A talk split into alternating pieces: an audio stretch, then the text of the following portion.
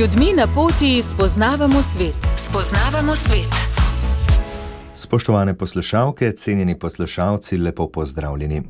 V zadnji letošnji oddaji z ljudmi na poti se bomo spomnili nekaterih preteklih oddaj in zanimivih gostov.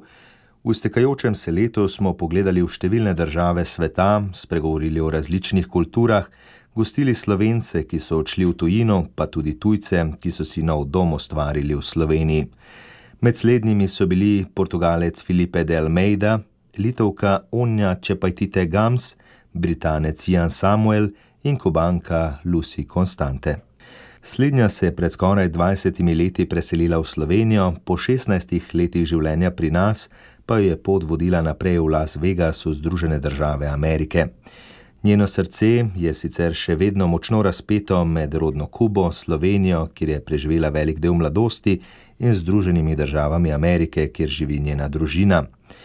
Ker je našo državo pred leti zapustila, se je zdelo smiselno vprašanje o tem, kaj v zvezi z njo najbolj pogreša. Ker pogrešam način življenja, kako se, se prav se dela, ampak imate kvalitetno življenje. Še vedno se lahko dobi na kavo, se eno prijateljstvo, a pa sem kolega.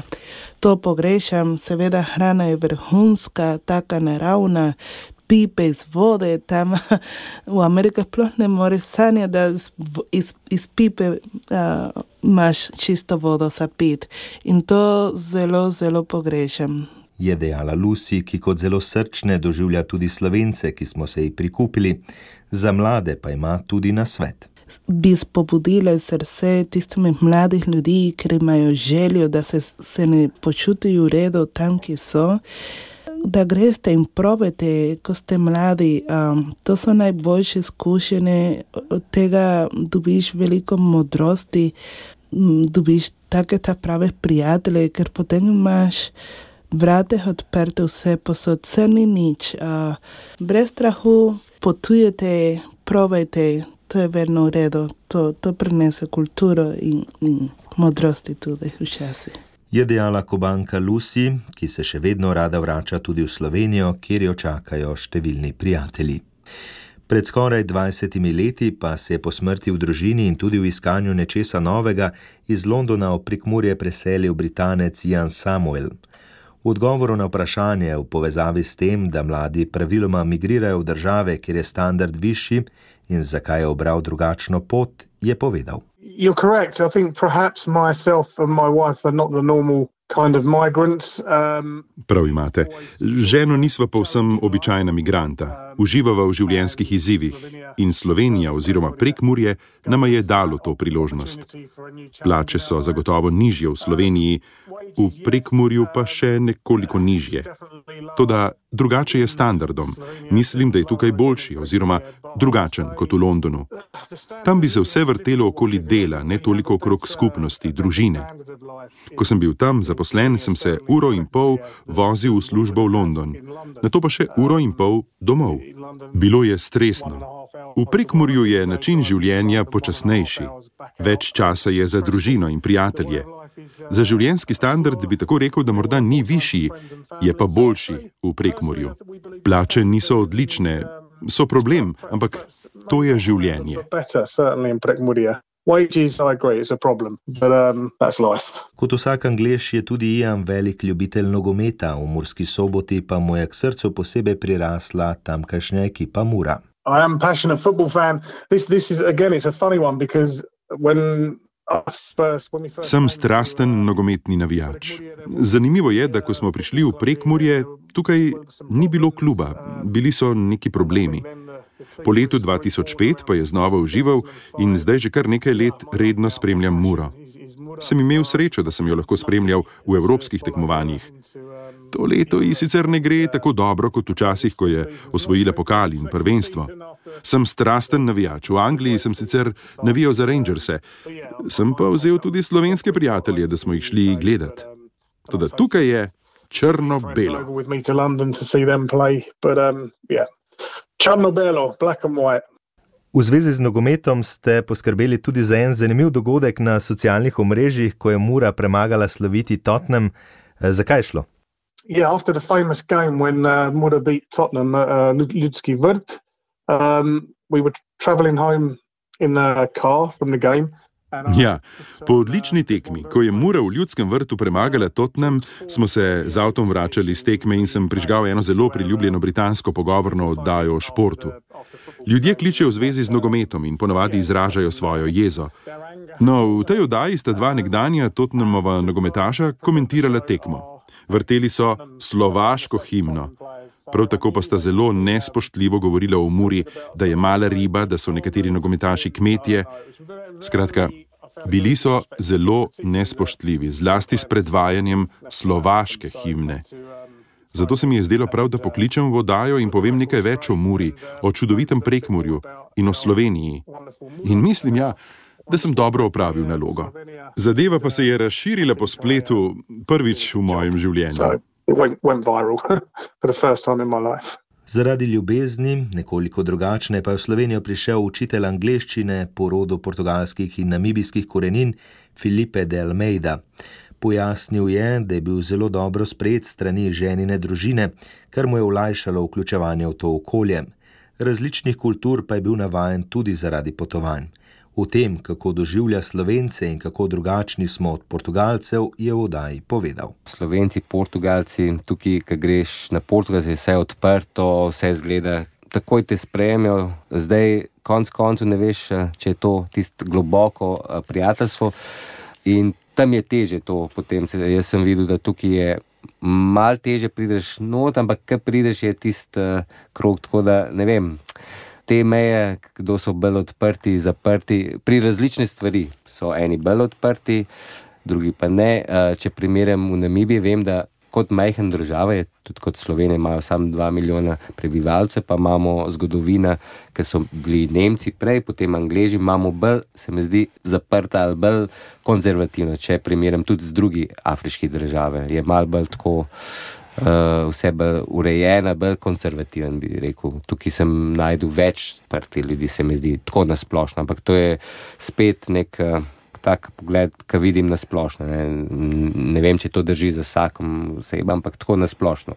Ljubezen pa je v velenje pripeljala tudi zgodovinarko Ono Čepajtite Gams zgodba je precej, rekla celo filmska, ker sva se spoznala eh, celo ne v Vilni, ampak v Trakaj mesto, ki je blizu Vilne, na gradu. Ne? Sem bila takrat v službi in zelo lep sredi jezera na otoku, srednjeveški grad in sva se spoznala v bistvu na dvorišču gradu, se pravi na mojem delovnem mestu in um, potem se je razvilo uh, do tega, da sem pač danes sem v Velenju in tudi delam na gradu, ter na Velenskem gradu. Tako da iz enega do drugega ena daljša pot, 1500 km, a ne vmes, ampak evo, to so te življenjske poti, ki jih ne moreš vnaprej nekako predvideti. Z možem sicer najprej nista vedela, kje bi se ustalila, na to pa sprejela odločitev, da bo to v Sloveniji, kar je bilo tudi nekoliko lažje zaradi tega, ker sta se tako Litva kot Slovenija prav takrat vključili v Evropsko unijo.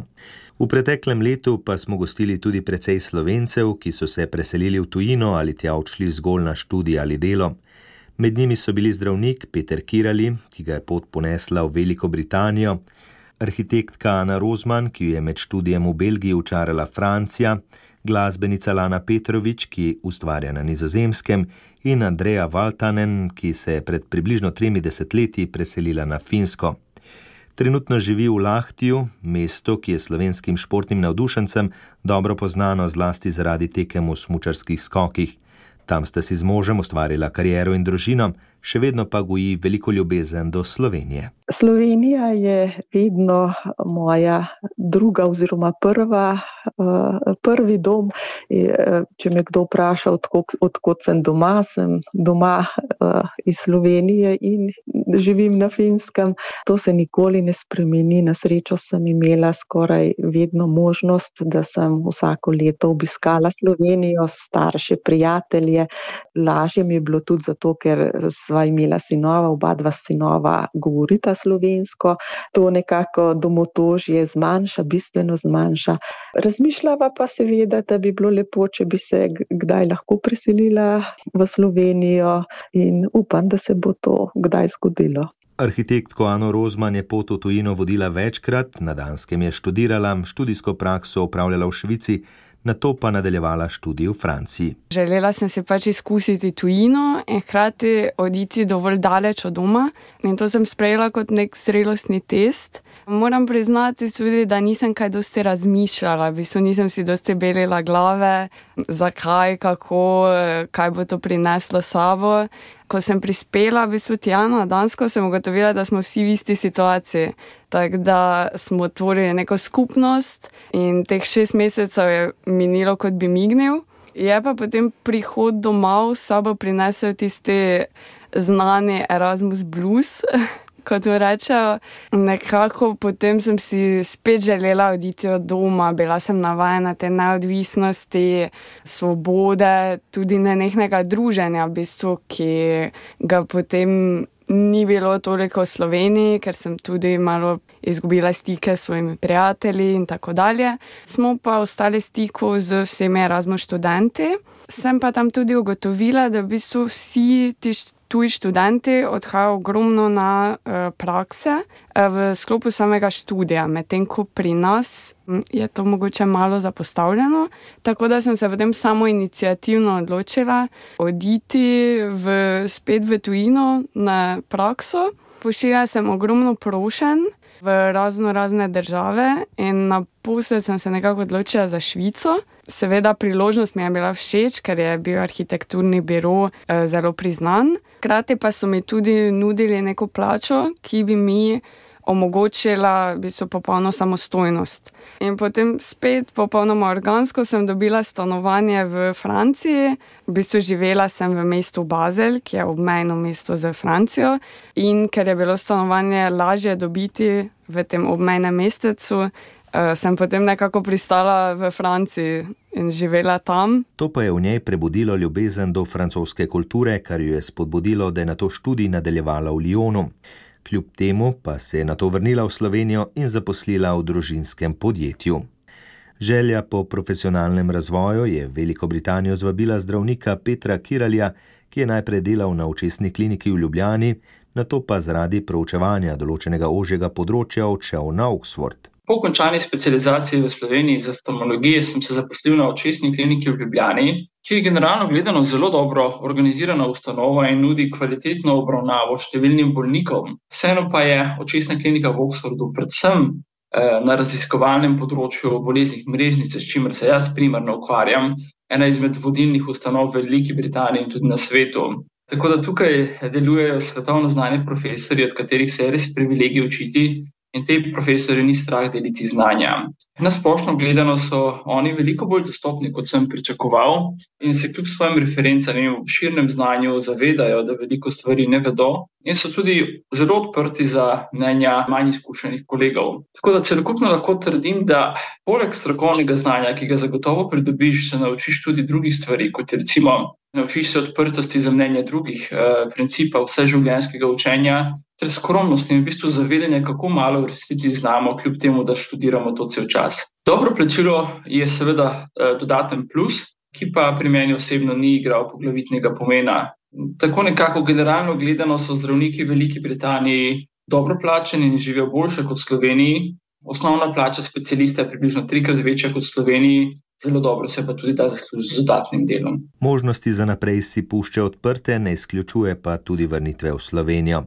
Zaradi kariernega razvoja in dela je v Amsterdam odšla tudi Lana Petrovič. Tam se izobražuje, njeno delo pa je razpeto med Nizozemsko in Nemčijo, kjer v glasbenih vodah deluje tudi njen partner. Zaradi priložnosti se bo tam najverjetneje tudi ustalila. Kljub temu pa še vedno goji ljubezen do Slovenije, kjer da pogosto preveč jamramo. Na splošno sem ugotovila v življenju, da jamranje je um, slaba stvar v večini primerov in obrodi veliko pozitivnih sadov. Uh, se mi zdi, da tudi ima mogoče, mečkam to mogoče karakteristika nas slovencev.